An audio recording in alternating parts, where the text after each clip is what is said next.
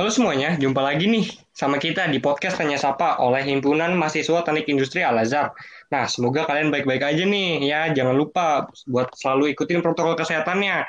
Selalu pakai masker, cuci tangan, hindarin kontak fisik, jaga juga protokol kesehatan dan kalau bisa jauh-jauh nih dari kerumunan-kerumunan karena kan COVID itu sangat uh, rentan penyebarannya kalau misalkan ada di uh, tempat yang ramai orangnya. Nah, pokoknya selalu uh, usahain uh, physical distancing. Nah, karena pandemi ini belum selesai dan kita sama-sama harus bersabar dan juga berjuang buat melawan pandemi ini. Kami atas nama Teknik Industri juga mengucapkan bela sungkawa yang sedalam-dalamnya atas gugurnya para tenaga medis yang telah berjuang di masa pandemi ini. Semoga mereka semua, para pahlawan kita, mendapat tempat yang terbaik di sisi Tuhan Yang Maha Esa. Semoga keluarganya diberi kesabaran, dan semoga eh, jasa-jasa mereka tidak akan sia-sia dan kita bisa sama-sama melewati masa-masa sulit ini bersama. Amin. Nah, ini juga jadi peringatan sih ya buat kita semua. Sebenarnya pandemi ini tuh nggak main-main. Di luar sana banyak tenaga medis yang lagi berjuang buat ngelawan pandemi ini. Nah, kita juga harus bantu mereka dengan berjuang bareng-bareng untuk bertahan di kondisi ini dengan patuhin semua protokol kesehatan yang ada. Pokoknya untuk semua pendengar podcast ini semuanya stay safe dan semoga selalu diberikan lindungan oleh Tuhan yang Maha Esa. Amin. Amin. Amin. Welcome to Tanya Sapa, presented by HMTA UI. Hari ini kita mau dongeng soal Omnibus Law. Bareng gue Putra dan rekan gue. Bareng gue Hagi. Karena nggak berasa ya, nggak nyampe 30 hari lagi Omnibus Law Ciptaker bakal disahkan. Setelah sebelumnya ada wacana mau disahkan sebelum 17-an Agustus kemarin. Nah, iya, pada masih banyak banget sih Bang penolakan dari sana dari sini mengenai setiap pasal yang ada di rancangan undang-undang ini. Nah, bahkan nih Bang, di kondisi Covid kayak gini aja, banyak aktivis yang sampai rela turun ke jalan buat uh, menolak RUU ini. Iya, buat nolak ya. Iya. Padahal gimana ya? Uh, di satu sisi harus uh, mempertahankan protokol kesehatan, satu sisi memang urgensi dari RUU ini sangat uh, sangat penting gitu sampai benar-benar harus turun ke jalan untuk melawan RUU ini sebagaimana kita tahu nih ya teman-teman, kalau misalkan Omnibus Law ini, si Ciptakar ini, merupakan undang-undang yang mengatur dan mencakup berbagai jenis materi muatan yang berbeda-beda. Atau lebih mudahnya kita sebut sebagai undang-undang payung hukum atau ada juga yang bilang undang-undang sapu jagat. Tujuan pemerintah Indonesia mengeluarkan produk hukum ini adalah menyederhanakan regulasi, they say, yang berbelit untuk kemudahan dan percepatan investasi, sehingga harapannya pertumbuhan ekonomi dapat meningkat. Nah, tapi yang sekarang terjadi, malahan RUU ini tuh nih Bang ya, menuai banget banget kontro menuai banyak banget kontroversi lantaran banyaknya permasalahan di berbagai bidang. Oke, uh, seperti ketenaga kerjaan, ada juga di sektor lingkungan, di sektor hukum, kesehatan, ekonomi, otonomi dan daerah, bahkan sampai di bidang pendidikan. Wah, pendidikan juga kena lagi sama iya. RUU ini. Nah, itu Nggak dia, Bang. Ya? Nggak nyangka kan banget sih. Kan, uh, namanya ciptaker ya, cipta lapangan yeah. kerja. Yang biasanya kan, oh ini ketenaga kerjaan nih pasti nih. Iya yeah, benar. Kita nggak sadar bahwa pendidikan juga sebenarnya agak nggak relevan sih pendidikan dimasukin ke ciptaker. Nah itu nah. dia kenapa RUU ini banyak banget kontranya. Karena dalam prosesnya itu tidak mencerminkan good governance dan substansinya yang menuai banyak sekali kritik. Makanya banyak orang yang melawan RUU ini.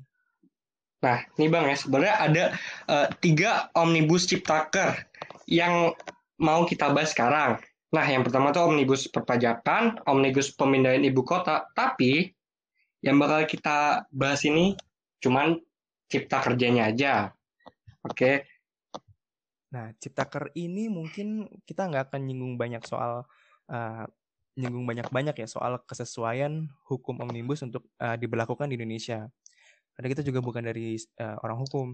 Tapi yang coba kita bakal uh, lihat adalah dari sudut pandang tenaga kerjaan, ekonomi, pendidikan, lingkungan, otonomi daerah, dan mungkin nanti kita selipin uh, tentang hak asasi manusia, Gi. Oke, boleh, boleh, boleh. Setuju banget sama Bang Putra. Nah, jadi kita tuh udah ngumpulin materi-materi dan juga mengkaji omnibus ini dari berbagai sumber yang kredibel. Nah, sekarang kita bakal dong mencoba mendongengkan omnibus law ini Oke. untuk kalian semua. Ini tapi dari apa yang telah kita riset selama ini. Eh, Gi, bentar deh, Gi. Sebelum kita mulai nih, Gi. Lu pernah dengar berita nggak kalau misalkan ICW itu menemukan bahwa pemerintah ngeluarin biaya 90 miliar buat bayar influencer sejak tahun 2017.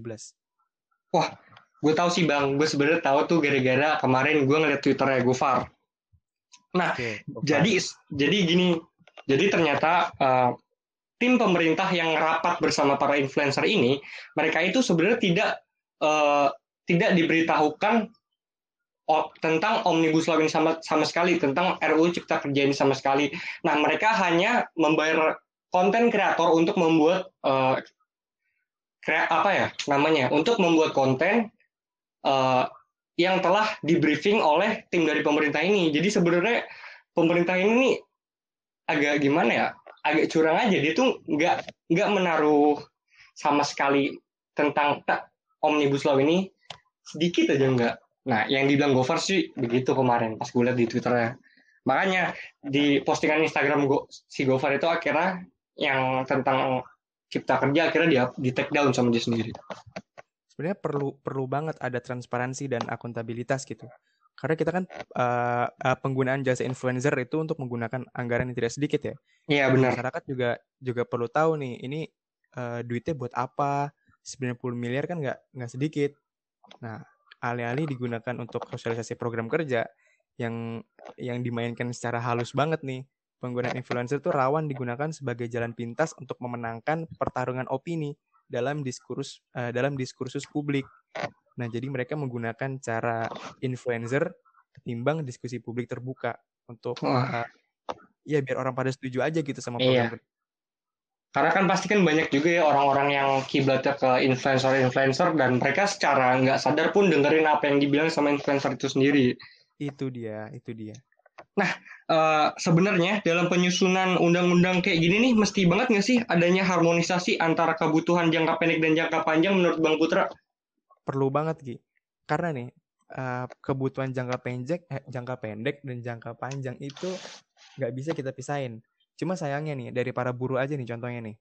Kata Pak Surnarno selaku Sekjen Kasbi, mereka ngerasa bahwa ada prioritasnya yang lebih penting ketimbang ngurusin omnibus law.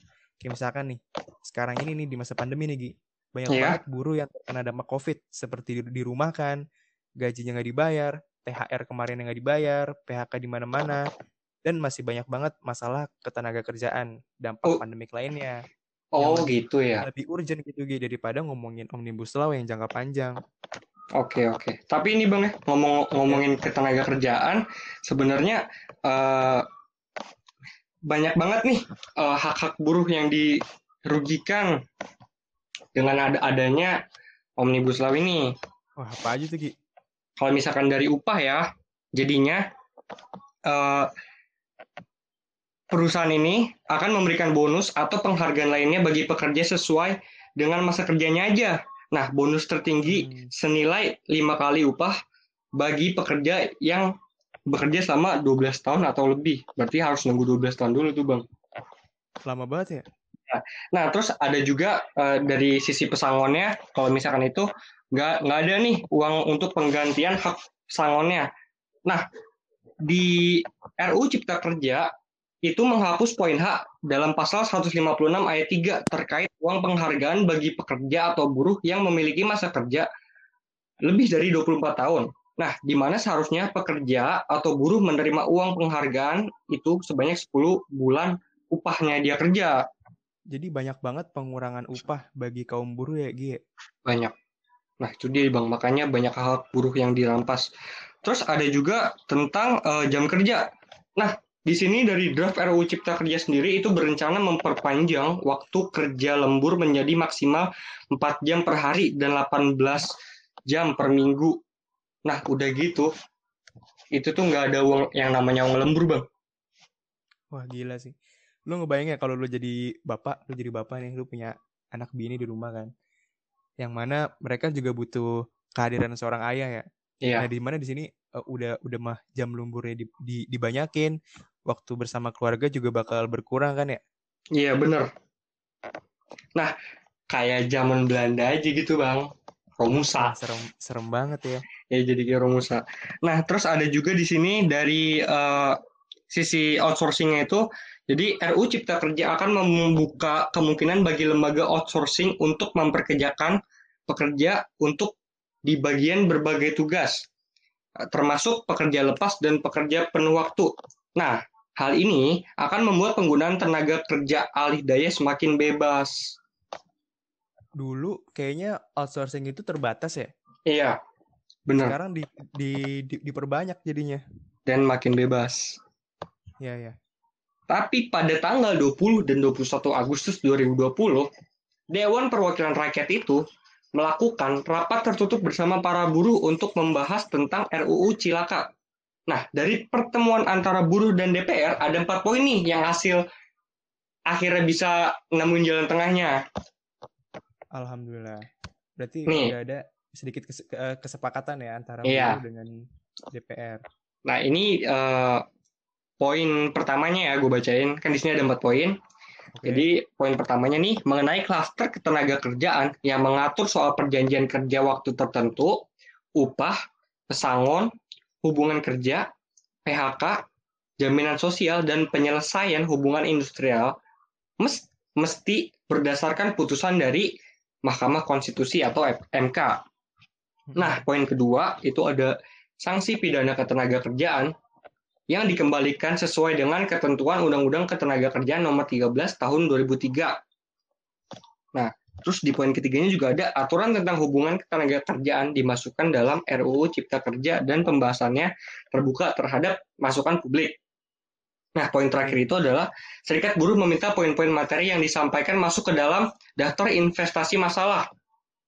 Itu empat poin ini, Bang. Jadi dari ke- intinya dari nih jadi Iya. dari kesepakatan DPR sama buruh itu mereka tuh mencakup TKA pasal tentang perjanjian waktu kerja pasal pasal tentang istirahat pesangon dan eh, pengupahan dan jaminan sosial nah da- jadi dari kemarin yang sudah ada pertemuan antara DPR dan juga kaum 32 32 federasi buruh itu itu mengeluarkan eh, pas beberapa pasal yang yang ini ya, yang apa namanya? Yang sebelumnya bermasalah menjadi tidak bermasalah lah begitu ya. nah iya bahasanya begitulah Contoh jadi eh, pak saat pertemuan kemarin tuh ada perumusan yang tadinya pasal-pasal bermasalah menjadi lebih baik sekarang. Sini Ya, saya ambil beberapa Mas? contoh nih. Pertama pasal 153.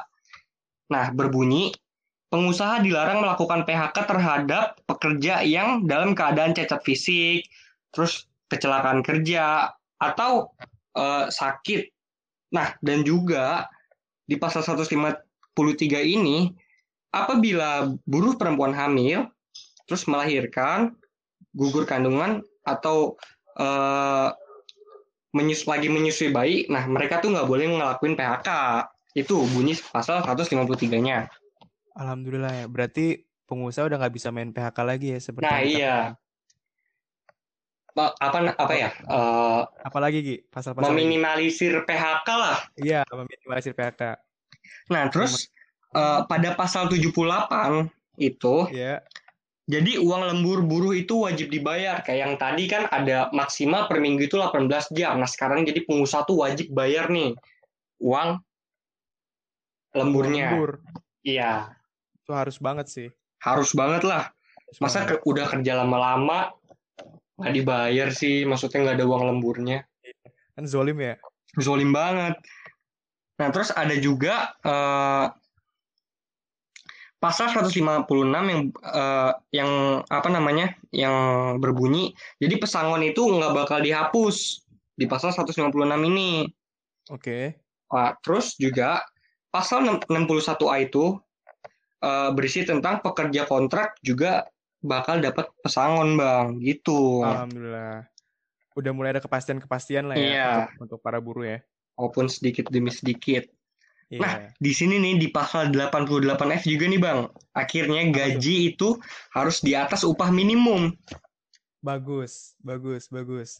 Karena upah minimum aja tuh nggak cukup Gi, buat memenuhi kebutuhan mereka. Itu Apalagi dia. beristri dan beranak.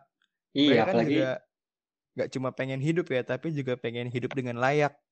Kalau Iya, misalkan betul. minimum aja nggak cukup, masa mau dikurangin lagi kan gitu? apalagi yang punya anak banyak kan Bang. Ah itu dia. Nah, terus eh, pasal 46B dalam RUU Cipta Kerja ini ada adanya eh, jaminan kehilangan pekerjaan diselenggarakan untuk mempertahankan derajat kehidupan yang layak pada pekerja atau buruh yang kehilangan pekerjaan. Nah, jadi di sini tuh akan membeli, memberikan perlindungan asuransi kehilangan pekerjaan bagi korban yang PHK. Jadi bakal dapat asuransi, Bang. Jadi dari buruh-buruh yang di PHK. Alhamdulillah. Itu jadi angin segar banget ya Gi, ya, buat Iya, buat eh, teman-teman buruh yang mengalami PHK di masa-masa pandemi kayak gini. bener banget. Terus ada juga hmm, jadi pasal 93 nih berbunyi eh, pengusaha wajib membayar upah apabila pekerja atau buruh tidak masuk kerja dan eh, dan tidak melakukan pekerjaan karena menjalankan hak waktu atau eh, lagi cuti lah istilahnya. Nah, jadi buruh Iya. buruh cuti tetap dapat upah, Bang. Gitu. Kalau di di draft sebelumnya yang cuti nggak dapat upah kan ya? Iya, terus kayak ibu hamil yang kayak tadi di pasal 153 cacat apa cacat gara-gara kerja terus lagi sakit gitu-gitu nggak dibayar, Bang. Karena kan selain selain berbicara soal eh, ekonomi di sini kita juga harus ngelihat masalah sosialnya ya Gi. Iya, Kita banget. bisa main main melakukan semena karyawan dan buruh karena mereka juga manusia kita juga pikirin hak mereka Iya, bener. Harus saling memanusiakan manusia lah intinya. ya memanusiakan manusia apalagi Gi yang udah diperbaiki Gi eh pokoknya gue yang riset yang gue lakuin sejauh ini sih baru itu itu aja sih. Sebenarnya eh, oke. untuk kalau misalkan teman-teman yang lain mau lihat bisa lihat di, di Twitter sih. Banyak media buat bacanya. Untuk mencari informasi sekarang udah dunia serba digital kita bisa cari informasi di mana pun. Iya benar. Ini Gi ya yang menarik adalah eh, mungkin RUU Ciptaker bagian klaster ketenaga kerjaan udah beres. Karena udah ada kesepakatan nih antara buruh dengan DPR. iya benar Cuma masalahnya, masalahnya nih yang menarik nih Gi. RUU ini kan masalahnya bukan cuma sama buruh dan pekerja. oh iya benar RUU Ciptaker ini jauh lebih luas dari itu. Kayak misalkan nih, yang nanti akan kita bahas selanjutnya ini adalah ekonomi, pendidikan, lingkungan, otonomi daerah, dan sisi HAM. Sekarang coba kita lihat ekonomi dulu nih. Hmm. oke oke Mungkin dari ketenaga kerjaan udah beres nih Gi. iya Cuma dari ekonomi mungkin harus di harus dikaji lebih lebih lanjut. oke oke Ini gue dapat dari orang Indef Bima Yudhistira. Lu inget gak Gi, pertama kali respon pemerintah saat corona itu menyerang Indonesia? apa tuh responnya Ingat gak dulu ada dana influencer 72 mili eh, 72 miliar iya buat narik wisatawan asing, oh iya tahu tahu gue bang tahu ya. tahu gue bang Nah, untung nggak jadi. Alhamdulillah. iya alhamdulillah Nah, tapi yang lebih lucu lagi nih sekarang nih. Pengesahan Omnibus Law Cipta Kerja dipercepat demi eh, mengantisipasi efek-efek pandemi. nah sebenarnya nih bang ya Mm-mm. kalau emang melakukan pembahasan terhadap RUU yang rumit seperti ini tuh harusnya harus dilakukan secara hati-hati dan teliti bang nggak bisa tergesa-gesa Itu, seperti hati-hati itu dan teliti. Hati-hati dan teliti.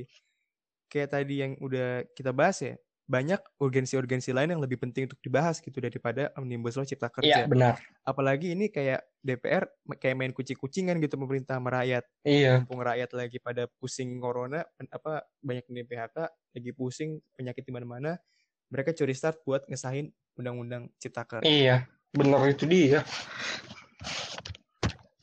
Iya, jadi omnibus ini kata pemerintah bakalan jadi solusi untuk masalah daya saing dan solusi menghadapi tantangan pandemi. hmm. Tapi coba kita uh, flashback ke belakang ya. Oke. Kenapa pemerintah mengusulkan undang-undang Ciptaker ini, Omnibus Law. Mm-mm. Karena pemerintah intentionnya adalah ingin menaikkan EODB, Oh, Ease of Doing Business. oh. Apa sih bang maksudnya ease of doing business tuh? EODB adalah eh, peringkat kemudahan eh, berinvestasi di sebuah negara. Hmm, Nih, gue sebut iya iya. nih. Peringkat satu itu adalah New Zealand. Kemudian ada Singapura, ketiga Cina, keempat Denmark, kelima Korea, keenam Amerika, ketujuh Georgia, kelapan Inggris. Eh, lu tau nggak Malaysia di urutan keberapa? Malaysia eh, di ASEAN tuh termasuk hebat loh bang. Iya, di, di ASEAN hebat. Di ASEAN hebat. Di peringkat peringkat dunia Malaysia keberapa? Malaysia kalau nggak salah di peringkat dunia tuh 12. 12. Indonesia di keberapa? 73. Indonesia di peringkat 73. Iya. Mungkin yang membuat Presiden Jokowi kesel ya. Iya. Bisa-bisanya Malaysia di 12, Indonesia di 73.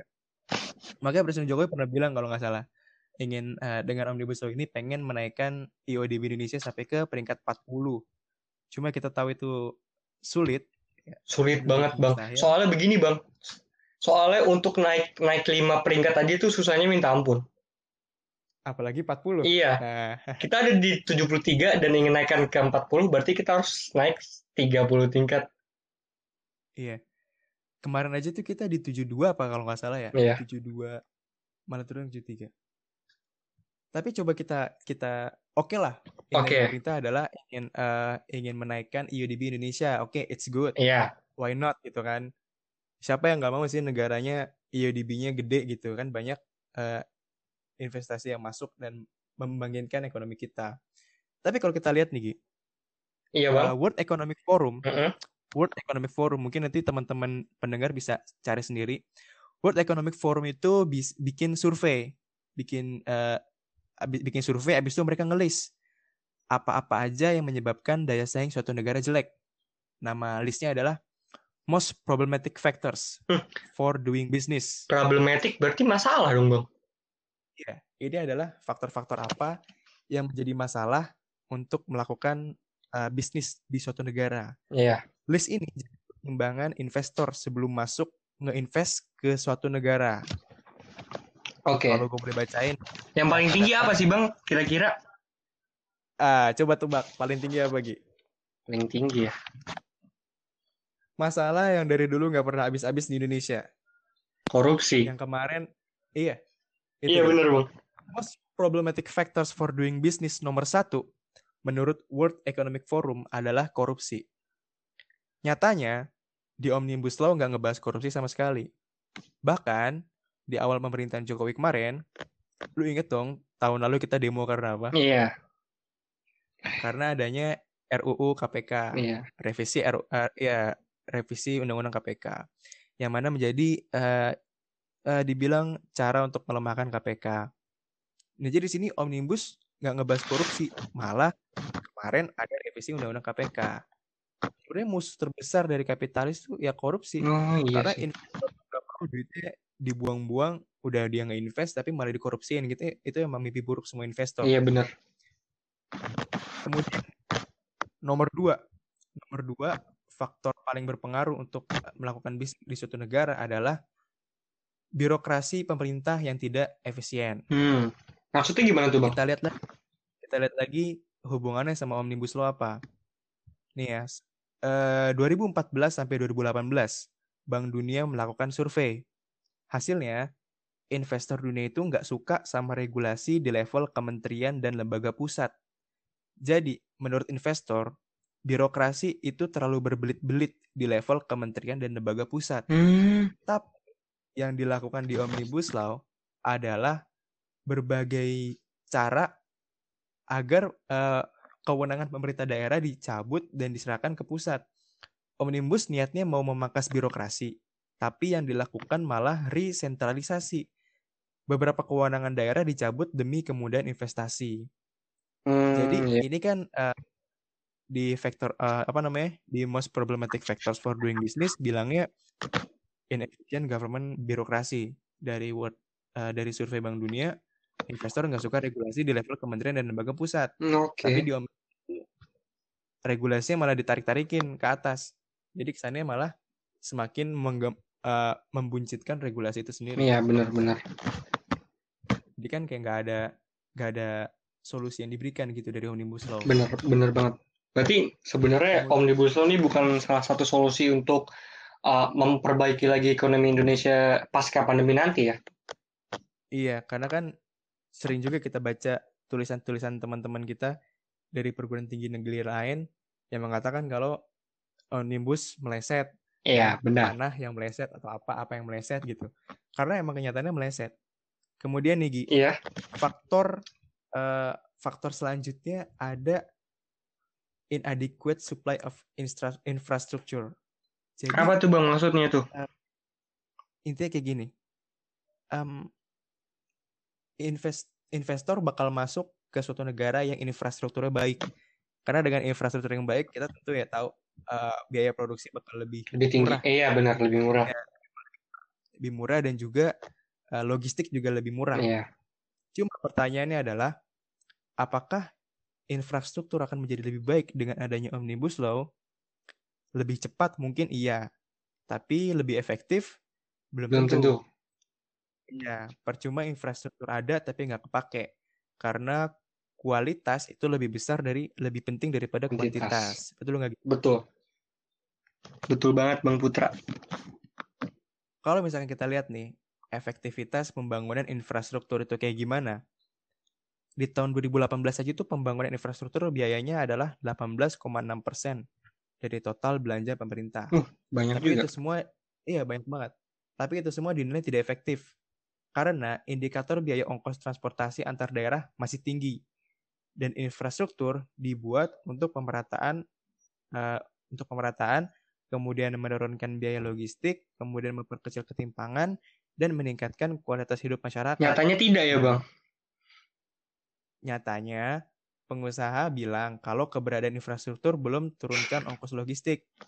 Bahkan nih Ketua Umum Indonesia National uh, Shipowners Association INSA, Karmelita Hartoto mengatakan, meski pembangunan infrastruktur terlihat positif, biaya logistik belum tentu turun. Lantaran masih adanya beberapa biaya dalam rantai pasok logistik. Beberapa biaya mata rantai lainnya adalah sewa pergudangan, tarif pelabuhan, hingga ongkos logistik darat seperti truk. Nah, hmm. jadi sebaiknya sih gak usah cepet-cepetan bangun infrastruktur, tapi dilihat efektivitasnya kayak iya, gimana. Iya, betul. Dari infrastruktur yang uh, udah dibangun aja masih banyak yang mengeluhkan bahwa harganya mahal atau apa. Jadi di sini Omnibus Law tidak bisa menjamin bahwa infrastruktur akan menjadi lebih baik. Nah, terus udah gitu Ki. Uh, faktor lainnya adalah polisi instability. Koalisi instability. Ya, ketidakpastian kebijakan. Maksudnya gimana tuh? Jadi gini, kata Bang Bima dari Indef, dia pernah nanya ke beberapa investor gitu. Sebenarnya untuk menginvestasikan di Indonesia itu uh, bukan pilihan yang buruk. Mereka juga mau sebenarnya karena prospek Indonesia kan jangka panjang. Yeah. Corona itu jangka pendek. Sebenarnya mereka mau-mau aja gitu invest. Cuma salah satunya kenapa mereka belum invest? Karena ya mereka nunggu omnibus law jadi dulu. Apa demikian? Karena dengan ada omnibus law banyak banget kan peraturan yang bakal dirubah Gi. Oh iya, benar juga. Gak cuma mengenai ketenaga kerjaan, tapi beberapa regulasi lainnya. Makanya itu investor tuh nunggu omnibus law jadi dulu nih untuk uh, menginvestasikan uh, uangnya. Iya. Karena mereka bakal menyesuaikan menyesuaikan ulang dong kalau mereka mau invest sekarang gitu. Iya. Jadi mereka benar-benar nunggu kepastiannya hukumnya jelas dulu nih peraturannya apa dulu nih yang jelas baru gue mau invest kayak gitu ya itu mungkin ya salah satu dari pemerintahnya sendiri pun ingin terburu-buru dalam pembahasan omnibus law iya dan ini yang terakhir nih faktor faktor eh, satu dua tiga empat lima enam faktor uh, enam besar dari most problematic factors for doing business adalah government instability artinya adalah uh, ketidakstabilan politik ketidakstabilan dalam pemerintahan. Oh iya benar. Sebenarnya dengan adanya banyak penolakan kayak gini nih, demo banyak uh, turun turun ke jalan para buruh, mahasiswa uh, dari apa namanya uh, tokoh-tokoh publik juga iya. banyak kritik. Untuk menyampaikan aspirasinya lah ya.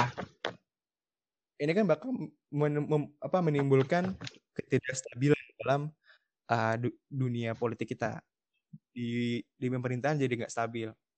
Nah ini juga investor sebenarnya nggak suka dengan ketidak ketidakstabilan ini. Oke, iyalah dari pemerintahnya sendiri aja nggak jelas. Iya. Gimana lain, gimana nanti usaha yang bakal dia bikin itu loh. Dia kan dia dia mau kejelasan dari pemerintahnya. Bener. Dengan kata lain, uh, investor juga jadi bikin dibikin bingung iya. sama sama si omnibus ini. Udah mah politiknya nggak stabil, terus peraturannya uh, berubah-ubah. Jadi mereka benar-benar nunggu nunggu dulu nunggu isu ini kelar dulu baru mau invest. Oke. Okay. Bahkan nih Gi, nggak cuma nggak cuma mahasiswa doang nih yang demo. Bank Dunia itu ternyata juga ikutan mengkritik Omnibus Law karena bisa jadi sentimen negatif para investor dan bisa bikin ekonomi Indonesia lebih buruk lagi. Hmm. Gila, setelah Bank Dunia aja juga ngekritik iya, Omnibus bener. ini. Disampaikan oleh jurnal World Bank yang berjudul Indonesia Economic Prospect, The Long Road to Recovery. Tiga poin yang disorot oleh World Bank adalah klausul mengenai ketenaga kerjaan, perizinan, yang mana perizinan ditarik ke sentral semua, dan lingkungan. Nah, mungkin nanti bisa kita bahas nih yang lingkungan. Oke, okay. bisa. Secara umum sih, World Bank menilai kegiatan usaha yang selama ini terhambat oleh perizinan dan syarat-syarat terkait lingkungan, sesungguhnya nggak dihambat sama regulasi.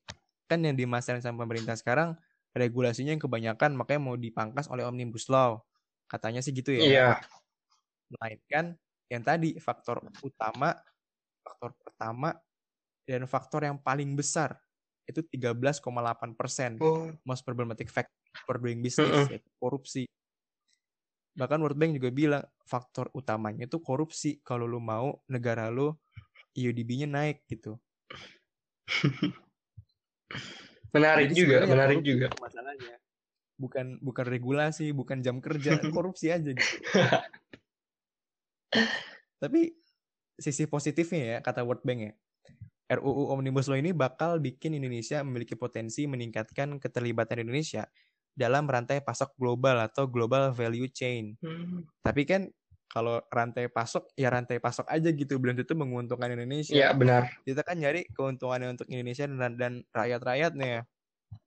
Betul sekali Bang Putra. Oh ya, gue mau bahas lagi nih Gi. Boleh.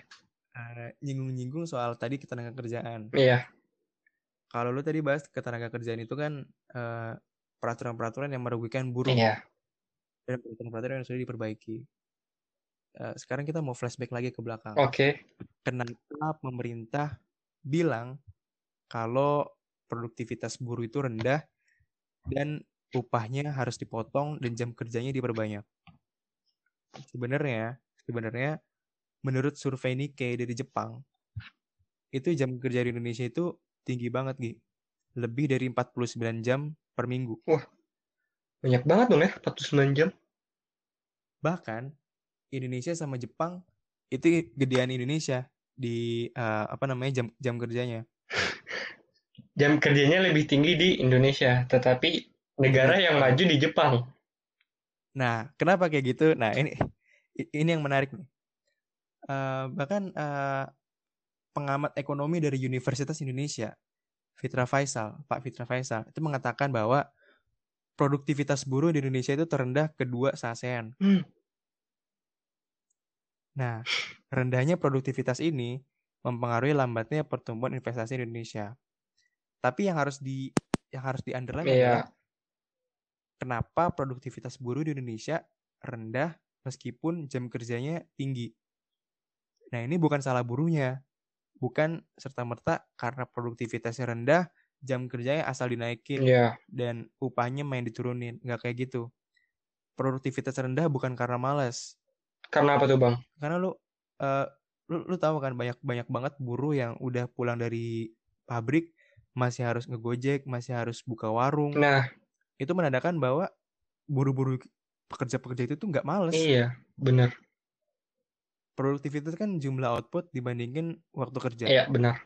Kalau jam kerjanya udah tinggi, tapi outputnya masih rendah, ya itu bukan karena jam kerjanya, tapi karena skill, pendidikan, dan mesin. Nah, yang harus diperhatikan adalah gimana caranya meningkatkan sumber daya manusia, bukan bagaimana caranya menghapus hak asasi manusia.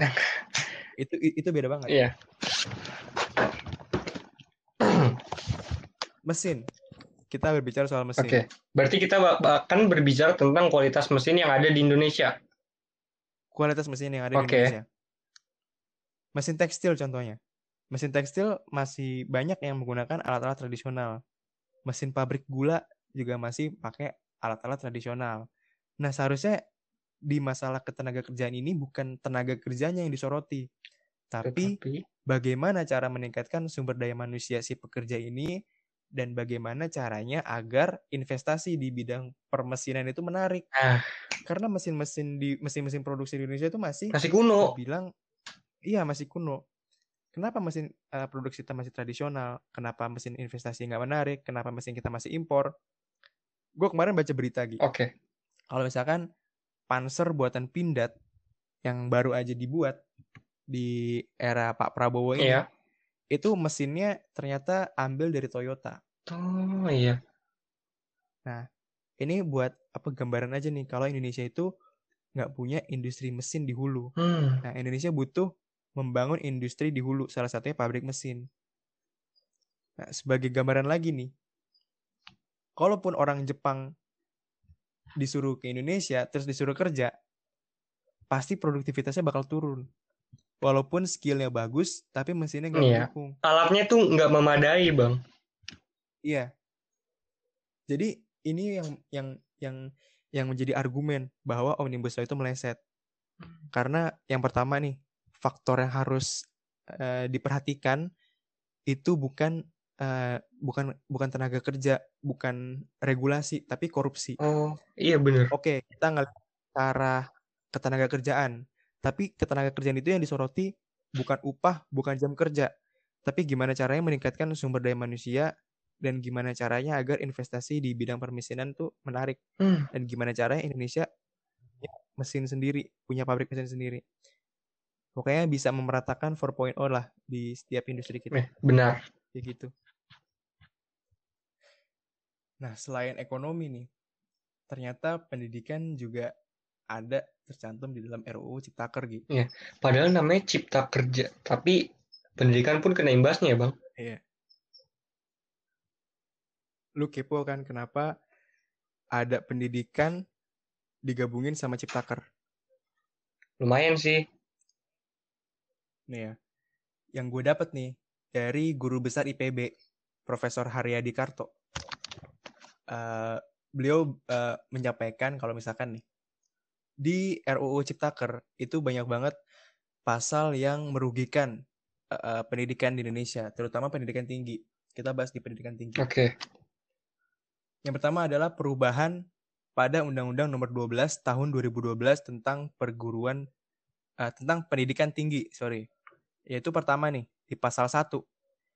Ini yang paling yang paling fundamental. Iya. Ini yang paling fundamental dan paling dipermasalahkan oleh eh, tenaga pendidik adalah dihapusnya dihapusnya sumber norma kebudayaan bangsa sebagai dasar pelaksanaan pendidikan tinggi.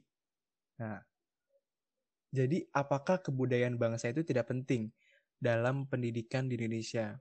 Hmm. Ini menjadi eh, perhatian khusus gitu. Apa apa niatnya menghapus sumber norma kebudayaan bangsa sebagai dasar pelaksanaan pendidikan tinggi? Nah, Menurut lo, menurut lo kenapa Gi? Kenapa ada aja gitu orang ngide ngapus sumber norma kebudayaan bangsa? kenapa ya? Kenapa ada orang ide yang pengen menghapus kebudayaan bangsa? Ya mungkin bentar bang gue mikir dulu. Penasaran nih siapa orang yang yang yang ngapus norma kebudayaan bangsa. Karena kena kan berarti kan kalau misalkan dihapus nih, pas dia baca undang-undang ini kan pasti ada ada pemikiran kayaknya norma kebudayaan bangsa Nggak penting, ya. hapus ah gitu kan. Nah ini kenapa? Kenapa? Kenapa ini dihapus? Mungkin Terus yang kedua, mungkin simpelnya bang, Apa? mereka tuh ing- ingin memperingkas aja sih, agar pembahasan Iya sih. agar pembahasannya tidak terlalu rumit dan agar bisa cepat-cepat disahkan. mungkin, mungkin. Tapi mungkin eh, hal lainnya sih yang yang yang gue tangkep ya, kayaknya ini ada ngaruh ke pasal selanjutnya. Oke. Karena di pasal selanjutnya, nah nanti gue jelasin. Kita lanjut dulu nih, setelah pasal 1. Eh, oh ya, BTW nih. Padahal kemajuan pendidikan di Asia itu tidak pernah meninggalkan norma kebudayaan bangsa. Nah, Jadi setiap setiap negara itu berpegang teguh kepada norma kebudayaan bangsa dalam pendidikannya. Ini menjadi sebuah pertanyaan yang sangat besar. Kenapa di Indonesia malah dihapuskan. kebudayaan bangsa dihapuskan? Oke. Mengalir pada pasal 63. Penghapusan prinsip nirlaba. Jadi dulu perguruan tinggi negeri kita kita berbicara soal negeri. Eh, prinsip nirlaba itu ada. Jadi di mana perguruan tinggi negeri tidak harus untuk eh, mencari keuntungan dalam eh, dalam apa dalam keuangannya. Mm-mm. Jadi ya udah kampus bisa subsidi ke mahasiswa-mahasiswa yang kurang beruntung lah Iya. ekonominya. Jadi kan bahkan ada yang kuliah nol rupiah dan segala macam. Nah, ketika pasal ini dirubah, ketika prinsip nirlaba itu dihapuskan di pasal 63, artinya pendidikan itu menjadi sangat eksklusif. Iya. Pendidikan hanya, hanya terbatas untuk orang-orang kaya. Iya. Nah. Dan ini melanggar Undang-Undang 45, Undang-Undang Dasar 45, pasal 2 28C dan 28E. Berarti Bang, sorry. Berarti Bang, kalau emang misalkan seperti itu, berarti akan banyak orang-orang yang kurang mampu yang bakal kurang menerima edukasi lagi dong. Iya, benar. Padahal di swasta aja kan eh, kita setuju lah swasta lebih mahal daripada negeri. Iya, setuju. Swasta memang namanya juga swasta tidak mendapatkan subsidi dari pemerintah, ya memang dasarnya adalah laba ya. Iya. Walaupun banyak banget swasta yang sekarang alhamdulillahnya banyak banget swasta yang udah membantu uh, teman-teman mahasiswa untuk kuliah. Tapi perguruan tinggi negeri ini yang di bawah naungan pemerintah, uh, kenapa prinsip nirlabanya dihapus? Iya. Kenapa mereka harus mendapat laba? Kenapa mereka harus mengambil keuntungan Iya. dari pendidikan? Mengapa justru mereka malah eh, mematahkan sayap-sayap bibit bangsa Indonesia? Sayap-sayap bibit bangsa. Diksi logi. Bang, jangan dimasukin terlalu berat. Mantap. Nggak apa-apa, keren tau. Maksudnya, Nih, maksud mak- maksudnya gini loh bang, kenapa justru malah pemerintah sendiri tuh yang memotong mimpi-mimpi anak-anak bangsa gitu loh? Iya iya. Lu bisa bayangin kan eh, kalau misalkan anak-anak muda yang udah kerja keras belajar mati-matian tapi dia nggak punya duit dan dia nggak boleh kuliah negeri. Nah. Wah. Itu dia. Kemudian pasal 33 program studi tidak lagi wajib diakreditasi. Jadi administrasi akreditasi dalam program studi dihapus. Mungkin niatnya adalah karena program eh, karena proses akreditasi itu rumit jadi dihapus. Padahal bukan gitu. Harusnya yang dibereskan adalah proses akreditasinya, bukan akreditasinya. Oh iya, Jadi seolah-olah menghilangkan standarisasi pendidikan gitu. iya benar. Kemudian ah ini ini ini yang ini yang tadi gua eh, ini yang mungkin ada hubungannya dengan kenapa norma kebudayaan bangsa dihapus gitu. Oke, Karena nih ya eh, pasal 90 pasal 90. perguruan tinggi asing yang akan mendirikan kampusnya di Indonesia harus terakreditasi di negaranya.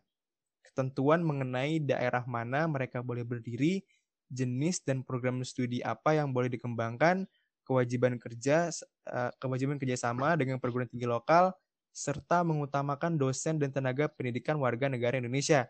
Itu pasal 90 yang asli. Iya, Nah, jadi di pasal 90 yang asli, perguruan tinggi negeri asing, eh, perguruan tinggi asing yang mau masuk ke Indonesia harus diakreditasi, terus harus kerjasama dengan eh, penga- perguruan tinggi lokal, terus juga harus mengutamakan dosen dan tenaga pendidikan warga negara Indonesia.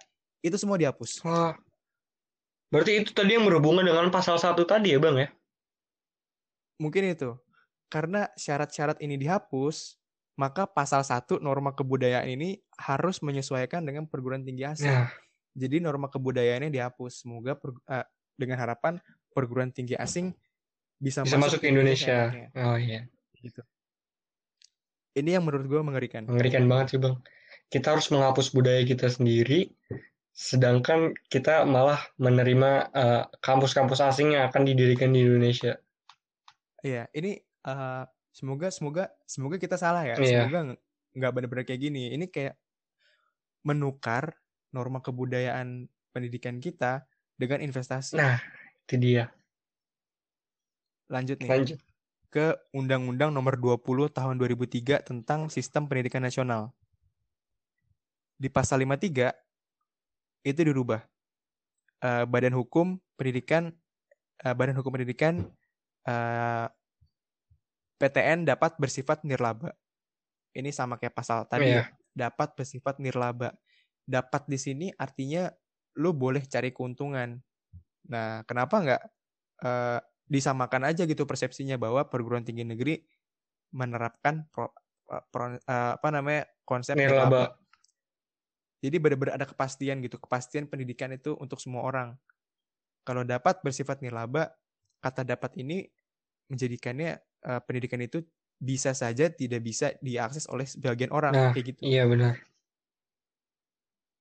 Terus kemudian nih di pasal 62 peran pemerintah daerah dalam memberi izin atau mencabut izin pendirian satuan pendidikan dicabut.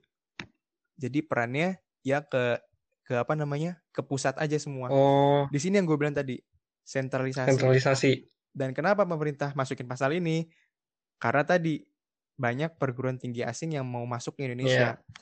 Jadi peran pemerintah daerah untuk memberi izin si perguruan tinggi Udah asing ada. yang nanti mau masuk itu udah nggak ada. Jadi ya udah kata pemerintah pusat, ya udah sabuk lah mau masuk masuk. Iya. Pemerintah daerah udah nurut kok. Karena semuanya diserahkan kepada pemerintahan pusat, Bang. Iya. It- jadi pemerintah nah. daerah nggak bisa macam-macam. Itu nanti yang Tiba-tiba akan nanti. dibahas di otonomi daerah. Iya, nanti itu yang akan dibahas di otonomi daerah. Ini seru banget, sumpah. Terus nih, aduh, gue kadang-kadang kalau baca Omnibus Law tuh, kemarin gue habis dengerin dispupnya, ya. habis baca-baca juga. Kadang-kadang tuh, eh kayak hal-hal yang sebenarnya udah bagus gitu, udah udah bener, Ah, justru dipersulit. justru dipersulit gitu. Kenapa gitu? Why gitu? Kenapa gitu ya? Justru dipersulit. kayak misalkan nih di di pasal 65 itu dirubah. Lembaga pendidikan asing tidak lagi punya kewajiban bekerja sama dengan lembaga pendidikan Indonesia. Di mana sebelumnya kalau perguruan tinggi asing masuk mau bangun pet, mau bangun perguruan tinggi di Indonesia harus ada kerjasama dengan perguruan tinggi yang ada di Indonesia. Oh. Sekarang Udah nggak ada. nggak usah kerjasama sama siapa-siapa. Jadi lu bis- Lu bisa langsung diriin aja. Iya, lu bisa langsung dirin aja kok, nggak usah kerja sama siapa-siapa gitu. Terus syarat lembaga pendidikan asing yang beroperasi di Indonesia yang harus diakreditasi di negaranya dihapus. Hmm. Jadi gini Gi, kalau misalkan ada eh, dulu nih ya dulu, ini kita berbicara dulu sebelum ada RUU Ciptaker. Kalau perguruan tinggi asing mau mendirikan kampusnya di Indonesia, mereka yang pertama harus terakreditasi negaranya dan ha- harus eh, memenuhi syarat beberapa syarat. Ah, kemudian mereka harus eh, bekerja sama dengan perguruan tinggi di Indonesia. Hmm, ya. Nah, setelah ada RUU ini, syarat itu dihapus. Jadi, kalau lu investor asing, lu nggak mesti punya akreditasi kampus yang baik di negara lu. Iya. Bahkan lu lu nggak harus terakreditasi di negara asal lu Iya. untuk untuk bangun kampus di Indonesia. Ya jadi terserah mau kampusnya bagus atau jelek pun ya bisa diri, didirikan aja di Indonesia gitu kan. Iya, iya. Itu eh, itu itu bagi gua menyepelekan sekali pendidikan, Nah, di mana iya. pendidikan yang harusnya menjadi eh, masalah utama dalam pengembangan sumber daya manusia yang tadi di Ciptaker ketenagakerjaan, di sini malah seolah-olah dipermainkan gitu Iya. dengan dengan asal dengan asal-asal kayak begini. Selanjutnya di pasal 90. BTW lu pernah dengar gak Gi? Ada berita eh, kampus mengadakan wisuda ilegal. Belum sih. Ada eh, banyak kampus yang mengadakan wisuda ilegal. Dengan kata lain, memberi gelar sarjana palsu. Oh, tahu tahu.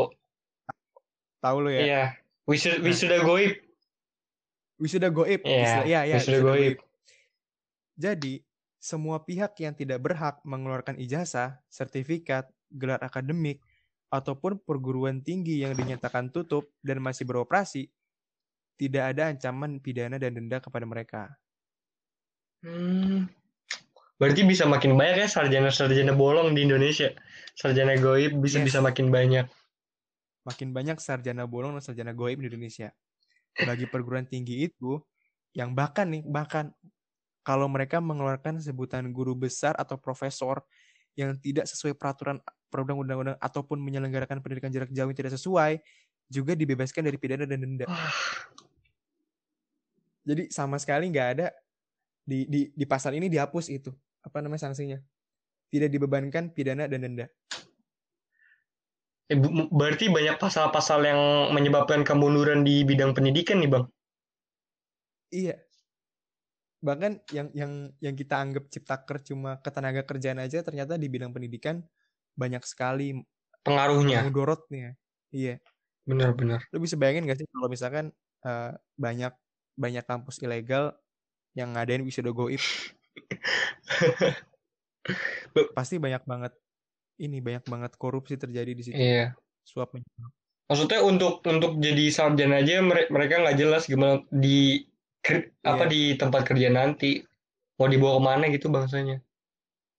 Tapi ini kalau misalkan kita hubungin sama ekonomi tadi ya, yang ketenaga kerjaan. Salah satu penyebab produktivitas buruh di Indonesia rendah adalah sumber daya manusianya, Iya, which is skill dan iya pendidikannya. benar. Tapi gimana caranya meningkatkan sumber daya manusia yang baik ketika pemerintah menyediakan pendidikan yang buruk Nah, iya deh. gitu. Tar taruh aja contohnya kalau misalkan banyak sarjana-sarjana goib, pas mereka udah masuk kerja justru mereka nggak ngerti apa-apa. Iya bingung lah, bingung. Nah. karena ya udah sekedar sekedar eh, karena sarjana itu kan bukan cuma bukan sekedar Gelar, surat ya, bukan su- bukan cuma iya, iya, bukan, bukan cuma gelar, cuma gelar. tapi pola pikirnya. Nah, itu dia. Kemudian yang terakhir dari bidang pendidikan. Undang-Undang Nomor 14 Tahun 2000 2005 tentang guru dan dosen. Hmm, Ini yang ya ini kalau yang tadi bikin gue kesel, yang ini bikin gue sedih. iya. Karena eh, di pasal 47-nya menghapus sertifikat pendidikan serta menghapus perguruan tinggi yang terakreditasi untuk menyelenggarakan program pengadaan tenaga pendidikan sesuai kebutuhan. Hmm. Terus eh, di pasal 78 dosen yang diangkat pemerintah dan tidak memenuhi kewajiban yang ditetapkan akan dikenakan sanksi administratif yang akan diatur dalam peraturan pemerintah. Tapi mungkin nanti lu bisa bahas di otonomi daerah. Oke. Banyak banget peraturan peraturan di Omnibus Law yang dilempar ke peraturan yang lebih rendah. Kayak misalkan eh, selanjutnya akan dibahas pada peraturan pemerintah Hmm, oke. tapi di peraturan pemerintah itu nggak ada norma yang mengatur hal yang di atasnya gitu loh. Jadi eh, satu arah aja gitu jadi nggak jelas. Nah ini pasal 8 yang yang yang, yang paling yang paling eh, bikin jengkel nih. Di pasal 8 ada perubahan seperti ini Eh, RUU Ciptaker akan lebih menghargai perguruan tinggi luar negeri karena dosen yang mendapat gelar sarjana dari perguruan tinggi luar negeri yang terakreditasi tidak wajib mempunyai persyaratan sertifikat pendidik untuk mengajar di Indonesia. Sebaliknya, dosen yang mendapat gelar sarjana dari perguruan tinggi di dalam negeri wajib memilikinya. Hmm, Ini terlihat seperti diskriminasi terhadap dosen lokal dengan dosen nah asing. iya. Seolah-olah dosen lokal itu jelek, dosen asing itu lebih bagus. Padahal kan nggak semua Iya. nggak semua Nggak. orang nggak semua orang non Indonesia itu pinter. Iya. Buktinya orang-orang Indonesia juga banyak yang berprestasi di bidang luar negeri loh. Maksudnya berprestasi. Iya, bener. Contohnya eh almarhum Bapak B.J. Habibie, dia akhirnya Nah. dia bisa buat pesawat untuk Indonesia kan? Itu dia. Nah, di sini kenapa sekali lagi kenapa kenapa kenapa pemerintah itu lebih memprioritaskan pendidikan yang asalnya dari luar negeri ketimbang dari dalam negeri gitu. Padahal dosen-dosen kita juga banyak banget bagus-bagus, Iya. handal-handal dan bisa gue yakin dosen-dosen kita bisa menciptakan generasi selanjutnya gitu. Untuk ya. mempersiapkan generasi selanjutnya agar lebih baik lah Iya. ya. Iya. mungkin mungkin untuk mengikuti mengikuti ini kali Gi, mengikuti perjanjian ini. Jadi norma kebudayaan dalam pendidikan dihapus karena mereka lebih memprioritaskan pengajar dari luar negeri. Nah, iya itu dia. Sedih juga berarti ya. Jadi nih uh, kesimpulannya nih potensi kelemahannya adalah uh, sebenarnya ada tiga perubahan pokok pada undang-undang pendidikan ya, Ya. akibat omnibus. Yang pertama dicabutnya sifat nirlaba pada kelembagaan pendidikan. Which is, itu berarti pendidikan menjadi sangat eksklusif, sumber daya manusia tidak merata, yang kaya doang yang bisa kuliah, yang uh, yang kurang mampu menjadi sangat kesulitan. Kemudian yang kedua adalah dihapusnya pembatasan bagi lembaga pendidikan asing, yang artinya pendidikan asing mau terakreditasi mau enggak, mau bagus mau jelek, semuanya boleh dengan bebas dengan bebas sekali mendirikan kampusnya di Indonesia. Iya, Artinya norma kebudayaan Indonesia semakin tergerus semakin terkikis. dan semakin terkikis. Dan juga output yang keluar itu nggak ada standarnya. Mungkin ini juga kenapa perguruan apa program studi nggak harus memiliki standarisasi, nggak perlu diakreditasi. Soalnya perguruan-perguruan tinggi nanti, perguruan tinggi asing yang mau masuk ke Indonesia juga nggak harus terakreditasi di negaranya. Hmm, iya benar. Jadi yang ada ini ini yang membuat aneh sih. Kenapa kita yang harus menyesuaikan dengan investasi? Iya, bukan bukan malah investasi yang, yang harus menyesuaikan, menyesuaikan dengan kitanya sendiri. Iya. Dan ini yang paling penting, poin ketiga adalah hilangnya pilar kebudayaan dalam pendidikan. Ini semua membuat pendidikan meninggalkan norma kebudayaan Indonesia. Pendidikan hanya dibutuhkan untuk memenuhi hasrat investor dan pemerintah membuka lapangan kerja. Dan apakah investasi dan hubungan bilateral sebuah negara sebegitu, sebegitu berharganya sampai-sampai meninggalkan norma kebudayaan dan berpaling daripada Undang-Undang 1945?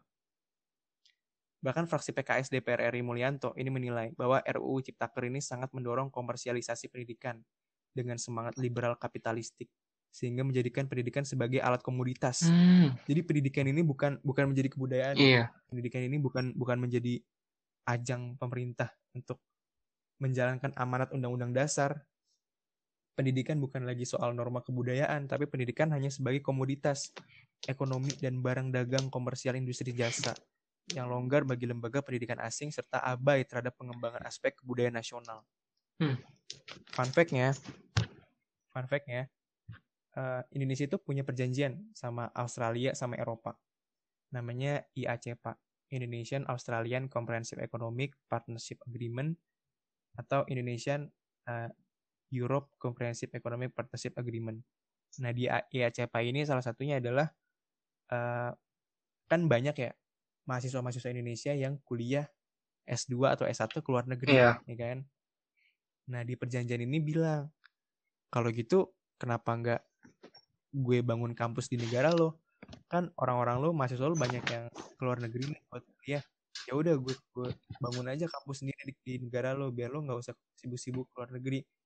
Nya niatnya mau kayak gitu. hmm, iya, Tapi gue rasa Indonesia di sini kecolongan iya, karena bener-bener eh, ini bukan bukan kita yang menilai ya Gi ya. iya benar. Tapi ini kita dapat dapat apa? Dapat pencerahan dari guru besar IPB dan juga dari fraksi DPR RI Mulyanto bahwa RUU Ciptaker ini meninggalkan kebudayaan dan berpaling dari Undang-Undang Dasar 1945. Kayak gitu. Wah. Mungkin tadi kan kita bahas banyak soal eh, nyinggung sedikit lah soal bagaimana kewenangan pemerintah daerah dicabut dan eh, menjadikannya resentralisasi yang sangat besar bagi uh, pemerintah pusat. Mungkin kalau misalkan dari segi otonomi daerah bisa banyak banget yang bisa kita kupas. Hmm. Banyak banget bang. Sebenarnya dampak omnibus ini terhadap sektor ot- otonomi daerah ini ada lima poin. Apa itu Gi? Gue bacain poin pertama dulu ya. Jadi poin pertama itu adalah hilangnya peran pemerintah daerah dalam perlindungan lingkungan hidup. Gimana tuh maksudnya? Maksudnya tuh gini. eh, eh, pada saat pemerintahan pusat yang memberikan perizinan, yang anehnya kewe- kewenangan seperti apa maksudnya anehnya kewen- kewenangan seperti pengawasan, pembinaan dan evaluasi kegiatan itu nggak dimiliki oleh pemerintah daerah. Nah, sementara, nah ya itu dia aneh kan. Sementara yang terkena dampak dari kegiatan tersebut adalah masyarakat yang ada, ada di daerah tersebut. Aduh, sumpah lagi gue gue tuh gimana ya? Ini kan 30 apa 30 hari lagi mau disahin. Iya. ya. Tapi masih banyak banget pasal-pasal yang kayak gini nih. Yang berhubungan sama masyarakat adat, masyarakat daerah, eh, apa namanya? eh, pemerintah daerah. Dan mereka baru ngebahas di sisi ketenaga kerjaan. Iya. Padahal 30 hari itu sebentar lagi. Iya. Terus eh, jadi kalau misalkan banyak yang komplain tentang peraturan ini pun itu kan pasti kan komplainnya bakal ke kepala daerah bupati pada saat pemberlakuan izin izin usahanya nih. Nah, daerah pun sendiri itu nggak bisa memberikan penindakan, pengawasan, pembinaan dan evaluasi kegiatan. Jadi kepala daerah sudah tidak mem- memiliki kewenangan apa-apa terhadap rencana investasinya. Jadi kalau misalkan emang ter- dari rakyat eh, daerah tersebut ada yang komplain ke bupati, ke kepala daerah ya udah kepala daerah nggak punya kewenangan apa-apa. Karena semua kewenangan itu adalah kewenangan dari pusat. Iya, iya, iya.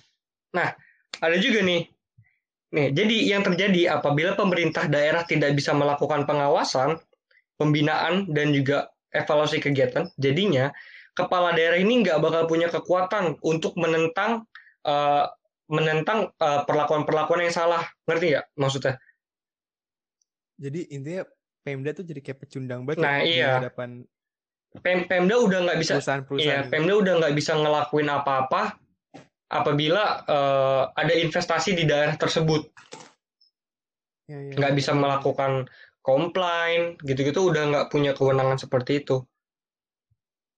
Nah, eh, di sini ada poin keduanya juga.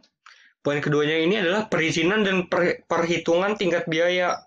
Nah, jadi di sini segala bentuk perizinan ini akan ditarik sama pemerintah pusat dan pemberian perizinan itu sendiri akan dihitung dengan tingkat skala potensi re- resiko yang dikembangkan oleh investasi itu sendiri. Gimana tuh tingkat penilaian Nah, risiko? jadinya eh, jadinya itu bakal ada standarisasi yang menyebabkan pemerintah yang membuat peraturan itu akan mengeneralkan potensi bahaya. Jadi saat pemerintah Mengeneralkan. mengeneralkan mengeneralkan potensi bahaya. Nah, jadi saat pemerintah menarik kebijakan perizinan di daerah pusat, pemerintah pusat tidak memberikan peranan kepada pemerintah daerah untuk melakukan kriteria penilaian di daerah itu. Jadi maksudnya gini, sebenarnya kalau mau melakukan investasi di suatu daerah, itu yang yang tahu potensi daerah tersebut itu harusnya siapa? daerah ya. Pemerintah daerah kan. Iya. Tetapi di sini adanya standarisasi, jadi semuanya tuh disamain. Kan nggak mungkin orang Jakarta bakal lebih tahu keadaan yang ada di Papua, gitu loh bang. Yang yang tahu keadaan di Papua itu adalah orang Papua itu sendiri, Iya, begitu juga di daerah-daerah. yang lain. Iya. Nah, yang maksudnya pemerintah membuat peraturan general potensi bahaya itu jadi poten peraturan potensi bahaya itu semuanya bakal disamaratain di semua daerah. Kan pastinya di setiap daerah itu punya masalah eh, tipografi yang berbeda-beda ya. Iya, iya. Nah, itu bakal di generalin semuanya, makanya adanya standarisasi. Hmm. Menarik. Di satu sisi pemerintah pengen investasi lebih cepat masuk ke Indonesia. Tapi di sisi lain me- di sini daerah Pemda yang dijadiin tumbalnya. Nah. Apa daerah yang dijadi tumbalnya. Kayak ya udah mereka lu lu mau nggak mau investasi masuk ke situ. Mm-mm. Kayak gitu. Dan nggak bisa ngelakuin apa-apa juga pemerintahan daerah, pemerintah daerah itu nggak bisa ngelakuin apa-apa. Karena- Kalau ada masalah terhadap eh, daerah Nah, yang iya. yang masuk. Nah, iya. Soalnya gimana ya? Maksudnya eh sebenarnya yang tahu daerah tersebut tuh ya cuman orang-orang yang ada di situ, bukan orang yang dari luar. Iya, benar-benar benar. Nah, di sini ada poin ketiga. Jadi pengenyampingan pengenyampingan rencana tata ruang daerah. Nah, jadi pada saat eh, pemerintah daerah udah berusaha semaksimal mungkin untuk pengenyampingan rencana tata ruang daerah. Nah, jadi di sini kayak yang tadi baru gue yang baru lu bahas tadi lu bang, bukannya eh, investasi yang mengikuti kita, tetapi kita yang harus mengikuti investasi itu sendiri. Hmm, Jadi investi investasi itu yang harus eh, apa ya menyesuaikan dengan tata ruang yang ada di daerah, tetapi eh, eh, malah justru tata ruang yang ada di, da- di daerah itu harus menyesuaikan investasinya nanti seperti itu. Lah berarti percuma dong dibuat tata ruang daerah. Nah itu dia. Nah di sini juga ada eh, pasal 16 sampai 18 Jadi pasal itu berbunyi pelaku usaha dapat mengajukan permohonan persetujuan pemanfaatan ruang untuk kegiatan usahanya kepada pemerintah pusat apabila pemerintah daerah belum membuat rencana detail tata ruang. Itu di pasal 16 dan 18.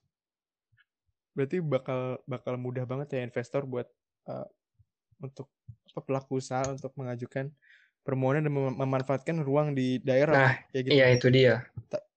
tanpa melalui eh, tanpa melalui pemerintah daerah, Nah, ya kan? simpelnya sih semuanya bakal di apa ya? Bakal dibikin sesim se apa ya? Sesimpel-simpelnya lah. Padahal sesimpel-simpelnya belum tentu baik. Nah, itu dia. Justru yang pemerintah pikirin bakal mempermudah justru bakal mempersulit Memperumit peraturan itu sendiri, Karena- Bang. karena masalah apa peraturan dibuat pemerintah itu melahirkan masalah-masalah baru. Nah, iya, itu ntar kita bahas di dampak terhadap lingkungan. Oh, ada juga Ada. lingkungan. Oke, lanjut. Nah, di sini poin 4 berpengaruh pada alokasi DAU, DAK, dan insentif bagi daerah itu sendiri. Nah, jadi tujuan dari DAU ini adalah dana alokasi umum. Tujuannya itu untuk melakukan pemerataan kemampuan keuangan daerah. Jadi DAU itu dikeluarkan oleh pemerintah pusat karena ada kewenangan-kewenangan daerah yang harus dibi- dibiayai oleh negara. Mm-mm. Maka pada saat kewe- kewenangan tersebut ditarik oleh pemerintah pusat, DAU akan berkurang. DAU-nya di- berkurang. Iya, iya. bahkan saat kewenangan tersebut sudah tidak ada, akan terjadinya tarik menarik DAU di daerah seperti itu. Menarik, menarik. Dikurangi jadi uang apa? Uang alokasinya Nah, dari, iya. dari pemerintah pusat.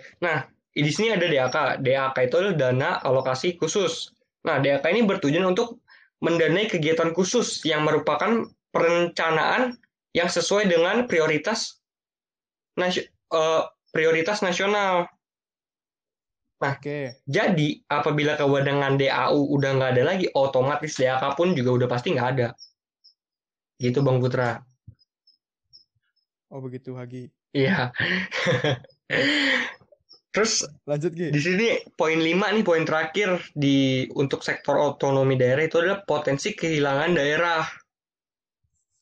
Nah, ini gue pernah denger nih. Nah. gue gue gue pernah baca mengenai eh, kalau omnibus law ini bikin eh, daerah kehilangan potensi. Nah, iya Bang Putra. Coba Nah, jadi gimana di gitu? sini tuh eh, ada poin-poinnya. Eh, jadi poin pertamanya adalah hilangnya kewenangan daerah dalam pengelolaan sumber daya alam sesuai dengan kebutuhan potensi daerah tersebut. Jadi eh, pemerintah daerah tuh nggak punya kewenangan lagi untuk mengelola sumber daya alam yang ada di daerah itu tersebut. Mungkin karena udah diambil alih sama investor. Iya. Terus juga eh, poin selanjutnya ada pelayanan perizinan berusaha dikelola oleh pemerintah pusat menggunakan sistem elektronik. Sistem elektronik bukannya nggak semua daerah itu menunjang sistem tersebut ya? Nah, itu dia. Nah, karena semuanya udah dipindahin ke pemerintah pusat da- dalam kewenangannya pemerintah pusat tuh mau eh, jadi pengelolaannya itu menggunakan sistem elektronik. Ya, ya. kasihan juga daerah-daerah yang belum belum eh, memadai Iya, sistem belum. elektroniknya, Iya, benar. listriknya kurang, internetnya nggak terjangkau. Kasihan. Terus poin selanjutnya ada hilangnya partisipasi publik di daerah dalam rencana investasi.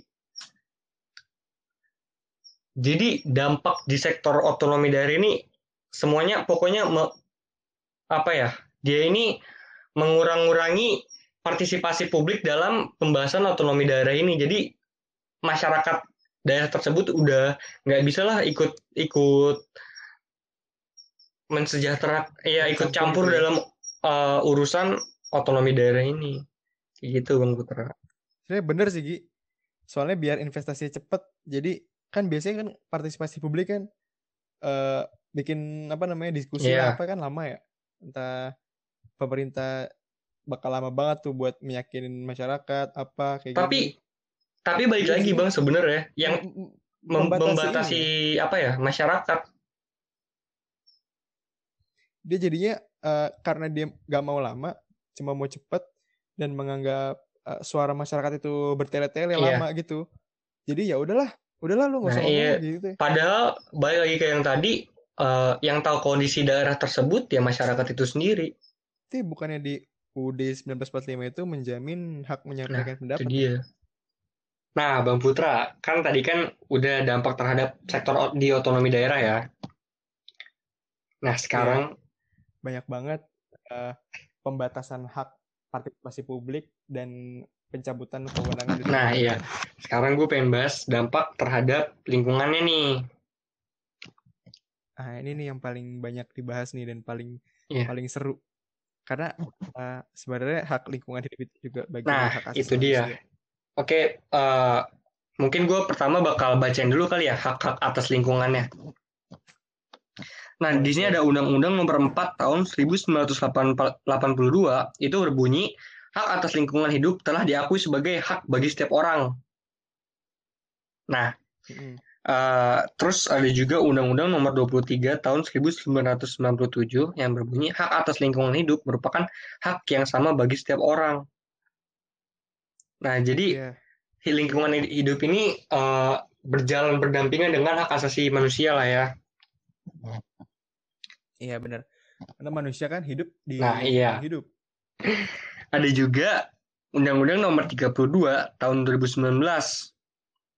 Eh, 2009, sorry. Tentang apa tuh? Nah, di sini eh, baru diperjelas bahwa hak atas lingkungan itu hak atas lingkungan yang hidup yang baik dan sehat merupakan salah satu bagian dari hak asasi manusia. Nah, benar banget. Terus, pada deklarasi Rio tahun 1992 menyatakan bahwa setiap negara itu sepakat bahwa pengelolaan lingkungan itu harus melibatkan partisipasi publik. Nah, lalu juga memberikan akses informasi yang layak dan akses eh, terhadap keadilan. Gitu, Bang. Tadi bukannya pas lu bahas otonomi daerah, partisipasi Nah, publiknya iya, dibatasin. makanya kan. Pasti kan eh, dalam pembahasan di otonomi daerah itu juga bakal berhubungan dengan yang ada di lingkungan kan. Iya, Terus setuju. eh, ada juga eh, hak akses di Indonesia. Itu eh, hak yang pertama ada hak akses partisipasi. Nah, itu isinya itu adalah masyarakat diberikan akses untuk berperan dalam kegiatan yang menimbulkan dampak terhadap lingkungan hidup dan dalam penegakan hukum. Nah, jadi kan tadi kan di otonomi daerah itu kan sangat diba- dibatasi kan ya partisipasi publik. Nah, padahal di sini itu Iya. ada hak yang namanya akses partisipasi dalam mengurus lingkungan itu sendiri. Nah, yang kedua ada hak akses atas informasi. Nah, di sini tuh diakui sebagai cara untuk mendapatkan hak atas lingkungan hidup dan diatur lebih lanjut dalam Undang-Undang Keterbukaan Informasi Publik. Nah, mungkin di sini tuh maksud tuh juga ada transparansi kali ya, Bang ya. Nah, Benar-benar. Nah, dan yang ketiga ini ada hak akses atas keadilan. Hak ak- akses atas keadilan ini diakui, diakui sebagai cara untuk mendapatkan hak atas lingkungan hidup dan diatur dalam beberapa bentuk. Yang pertama ada legal standing, class action, and citizen lawsuit.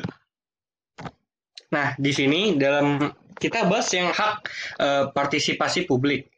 Nah, jadi dalam akses partisipasi publik ini, masyarakat hanya terlibat dalam penyusunan AMDAL yang boleh di Hmm. RUU Cipta Kerja ini. Jadi eh, masyarakat itu hanya dalam penyusunan AMDAL. Nah, AMDAL itu adalah analisis mengenai dampak lingkungan.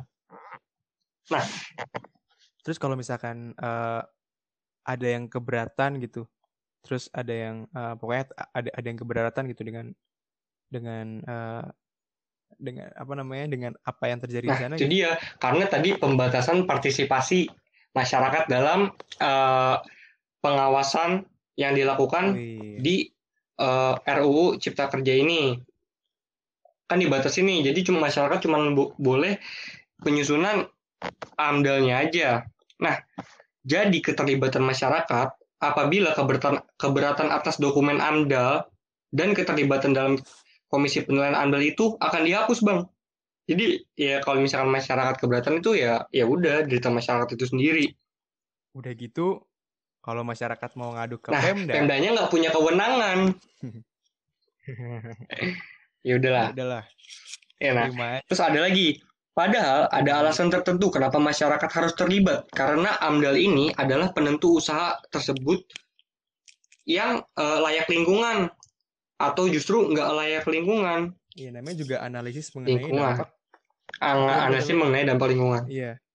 Sebenarnya partisipasi masyarakat nih sangat dibutuhkan harusnya.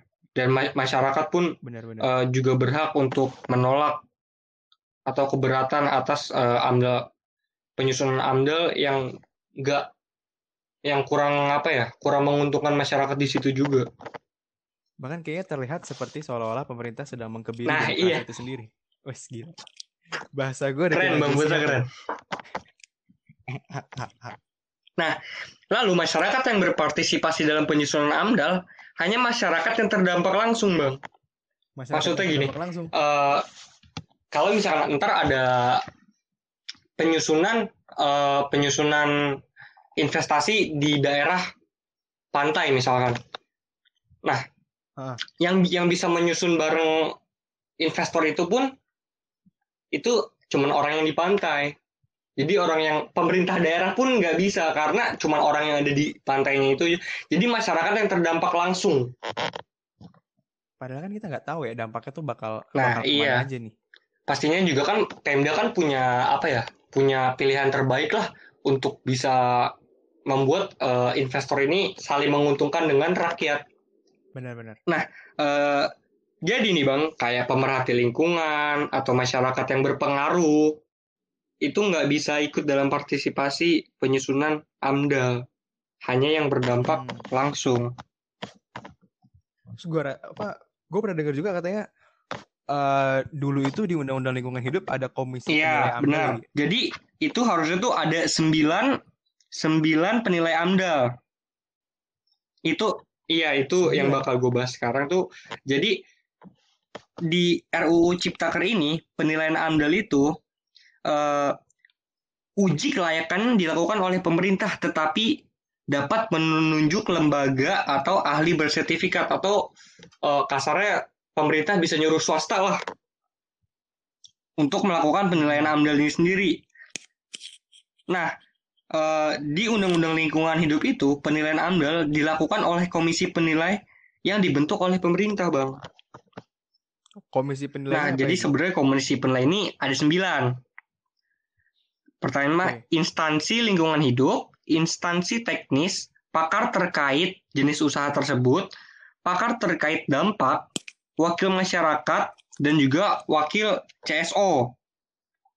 Nah, di RUU Ciptaker ini, jadi AMDAL itu hanya eh, uji kelayakan hanya dilakukan pemerintah atau lembaga atau ahli yang bersertifikat. Jadi yang komisi penilaian AMDAL ini nggak lagi buat menilai lingkungannya.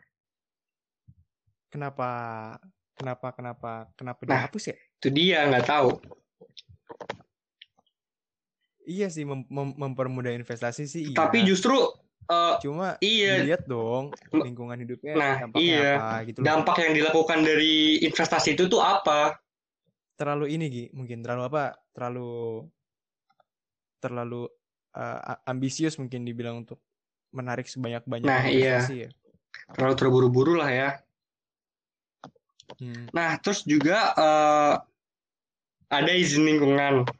Nah, pada perizinan lingkungan ini, pemerintah ingin melakukan penghabu- penghapusan izin lingkungan itu sendiri. Jadi, sebenarnya mereka itu mempunyai suatu konsep yang jelas. Mereka ingin melakukan penyederhanaan, tetapi malah memperumit perizinan itu sendiri.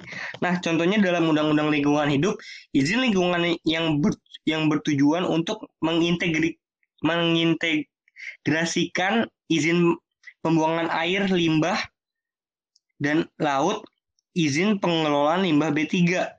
Nah, di izin lingkungan ini, pemerintah tuh uh, bakal menghapus yang namanya izin lingkungan.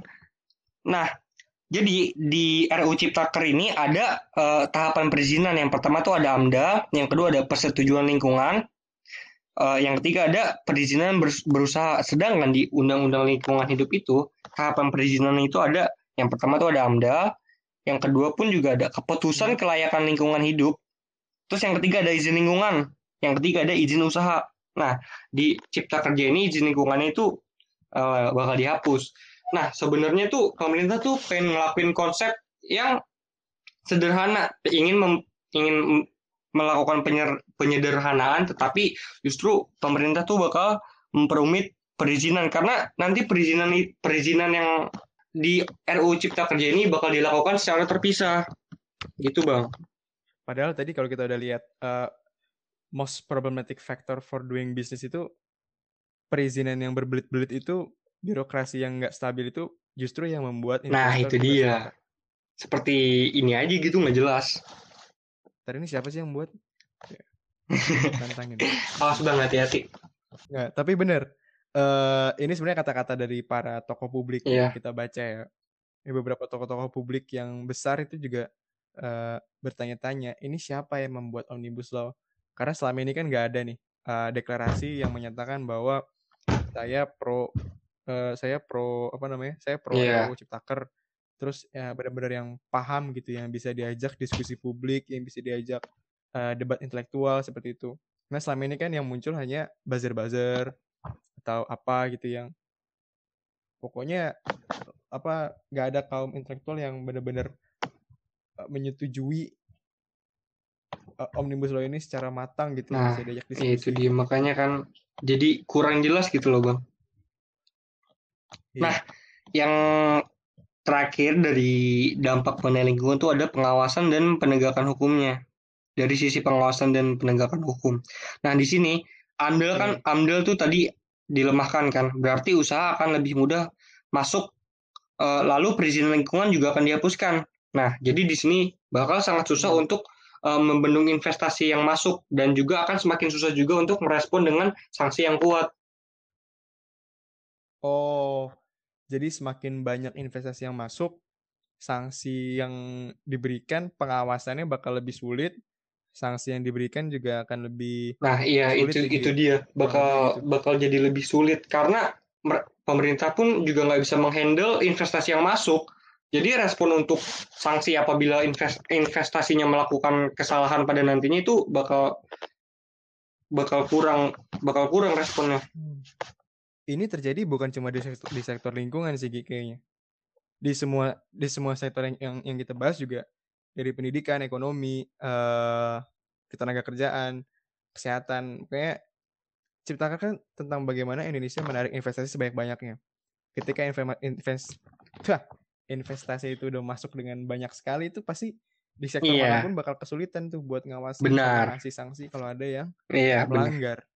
Makanya di Undang-Undang Pendidikan, sanksi pendidikan tinggi yang memberikan uh, gelar palsu nah, itu dihapuskan. Itu dia. Mungkin biar pengawasannya lebih. Pemerintah, pemerintah pusat itu juga bakal pasti keteteran lah buat ngurusin-ngurusin iya, sanksi-sanksinya. Benar, benar, benar. Nah, ini ya, ya. Di satu sisi semua apa? Di satu sisi semua peraturan dilimpahkan kepada semua kewenangan dilimpahkan kepada pemerintah pusat di lain sisi investor nggak terbendung masuk gitu. jadi bakal sangat sulit untuk melakukan pengawasan dan penindakan ya nah jadi kesimpulannya nih bang ya terhadap dampak lingkungan itu kesimpulannya adalah uh, tidak ada jaminan bahwa RUU Cipta Kerja akan memberikan dampak positif bagi perekonomian Indonesia karena okay. kan tadi yang yang rumit lah sistem perizinannya juga dihapuskan benar-benar ribet banget terus ada juga uh, kesimpulannya itu RUU Cipta Kerja itu juga berpotensi me- melemahkan hak masyarakat. Seperti kan tadi kan ada ada ada tiga hak masyarakat kan. Yang pertama ada hak atas akses partisipasi, yang kedua ada hak atas akses informasi, yang terakhir juga hak atas akses keadilan. Ya ya benar-benar. benar. Nah. ketiga akses itu yang yang seharusnya diberikan ya berdasarkan apa? Nah, deklarasi Rio tahun 1992. Ini seolah-olah RUU ini adalah berpotensi melemahkan kesepakatan deklarasi Rio tersebut. Ya. Nah, Iya, itu dia, Bang. Nah, terus eh, Oke, terakhir nih. apa ya? tuh? Pokoknya, eh, nah, eh, tetapi nih ya, kan pembahasan Omnibus Law tuh masih 30 hari lagi ya. Iya. Mungkin eh, dalam beberapa hari ke depan tuh bakal ada perumusan masalah tentang masalah pendidikan, ekonomi, lingkungan, ot- Iya benar. Nah tapi menyedihkannya juga nih. RUU Cipta Kerja ini tuh selain dampak-dampak yang tadi udah kita jabarin, Gi.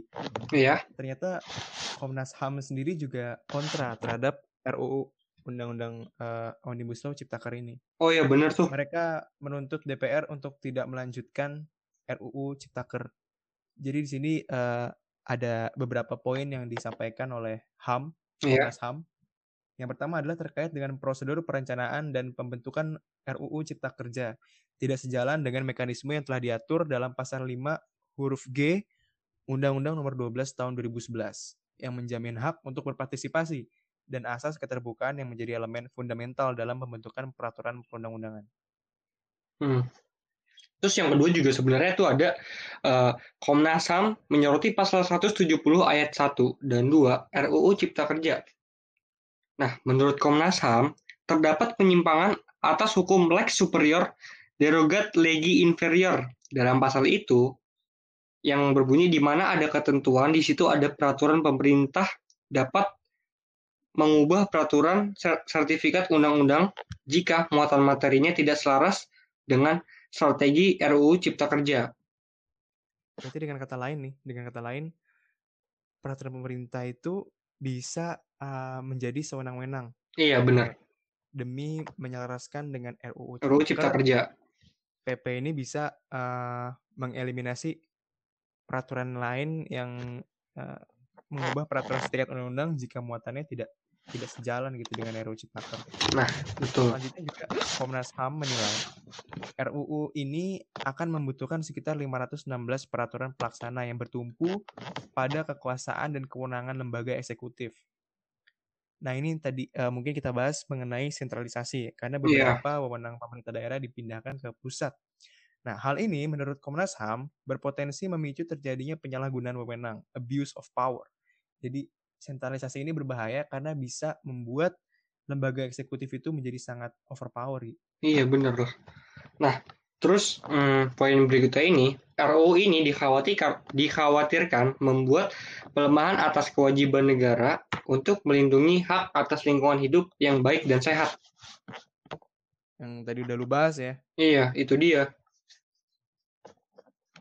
Selanjutnya, RUU ini menurut Komnas HAM juga berpotensi membuat terjadinya pemunduran atas kewajiban negara memenuhi hak pekerjaan dan penghidupan yang layak.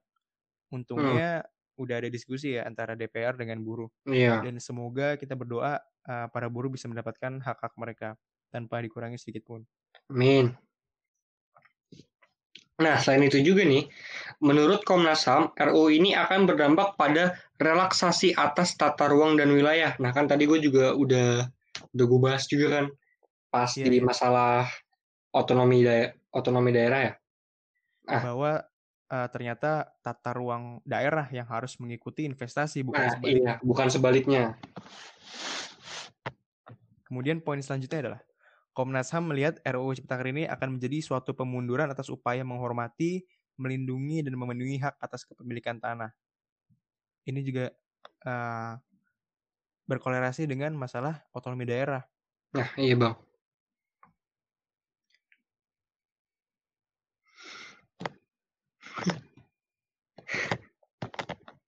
Diem. Astaga, ini gue yang baca ya. Iya. Gue, gue, nih abis itu, oh, abis itu ya udah berarti Udah habis itu kelar, penutup tuh. abis itu kelar kan? Hmm. Bacain dong yang iya dari 8.000 daftar inventaris Ini masih ada- masalah.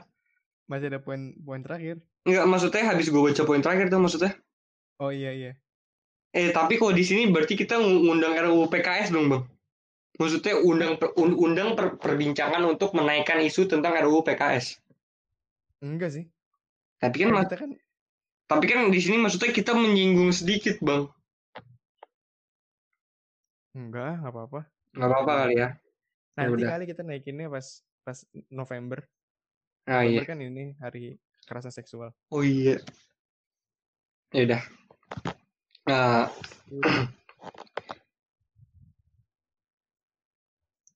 Nah, poin selanjutnya yang nggak kalah penting adalah eh, mengubah berbagai ketentuan penghukuman dari sanksi pidana penjara menjadi sanksi denda administratif ini yang bernuansa diskriminatif. Ucap eh, Komnas HAM. Kita lihat nih dari uh, 8.000 daftar inventaris masalah yang udah dikumpulkan, uh, DPR bilang udah terbahas hampir 7.000. Ini artinya sisa sedikit dan katanya juga bakal disahkan sebelum 9 Oktober. Tapi kalau kita lihat ke belakang nih ya, RUU PKS aja nggak jadi dibahas dengan dalih bahasannya yang sulit. Dan uh, kalau kita menilai dari apa yang tadi udah kita bahas ya, Iya, banyak apa sisi positif ada dari apa namanya dari omnibus law ini akan tetapi sisi negatifnya banyak sekali banyak sekali. mudaratnya banyak sekali bahkan menggadaikan undang-undang dasar 1945 demi kemudian investasi meninggalkan iya. norma kebudayaan hak asasi manusia dan menjadikan pendidikan sebagai alat komoditas yang di mana seharusnya pendidikan menjadi norma kebudayaan yang dipegang teguh menjadi cara untuk memakmurkan masyarakat, meningkatkan sumber daya manusia. Keren banget sih, Bang. Iya. Ya, terima kasih semuanya telah mendengar podcast eh, hari ini. Kurang lebihnya mohon maaf apabila ada kesalahan dalam berucap. Ya, mohon maaf juga kalau misalkan info yang kita berikan kurang lengkap. Mungkin nanti bisa teman-teman cari sendiri, bisa cross check sendiri. Karena di sini kita melakukan eh, riset lagi ya. Iya, riset benar. Dari berbagai sumber yang insya Allah kredibel. eh, dan juga dilampirkan dengan sedikit opini dari kita, dari mahasiswa, sudut pandang kita gimana mengenai omnibus ini. Betul, Betul, harapan betul. lu apa, Gi? Harapan lu, Gi, terhadap eh, RUU Ciptaker ini? Harapan gue sih eh, semoga eh, RUU Ciptaker ini nanti ke depannya bisa justru timbal balik negara kita agar bisa menjadi negara yang lebih baik lagi, lebih maju lagi sih. Amin, amin. Gue juga berharap eh, sebenarnya Cipta Kerja bagus banget konsepnya. Tujuan dari pemerintah juga eh, jelas dan juga eh, bagus. Tujuannya bagus banget agar ekonomi Indonesia bisa bangkit. Tapi mungkin isinya perlu dikaji lebih jauh ya. Mungkin Iya, benar banget. gak usah terlalu buru-buru. Harus Karena ada gimana pun- Iya, harus ada pengkajian yang lebih teliti lagi dari pemerintah pemerintahnya itu sendiri dan juga kalau bisa dalam perumusannya nanti itu nggak nggak apa ya nggak tertutup gitu loh Mel- iya, mel- melibatkan partisipasi masyarakat masyarakat yang lainnya karena sebenarnya solusi yang benar itu memang terkadang membutuhkan waktu yang lebih lama ketimbang solusi yang eh, cepat. Karena keren cepat banget ya, bang Putra Itu gue kopas dari orang. Oke, terima kasih semuanya udah dengerin podcast dari kami. Wabillahi Iya. taufiq wal hidayah. Wassalamualaikum warahmatullahi wabarakatuh. Stay tune buat episode selanjutnya.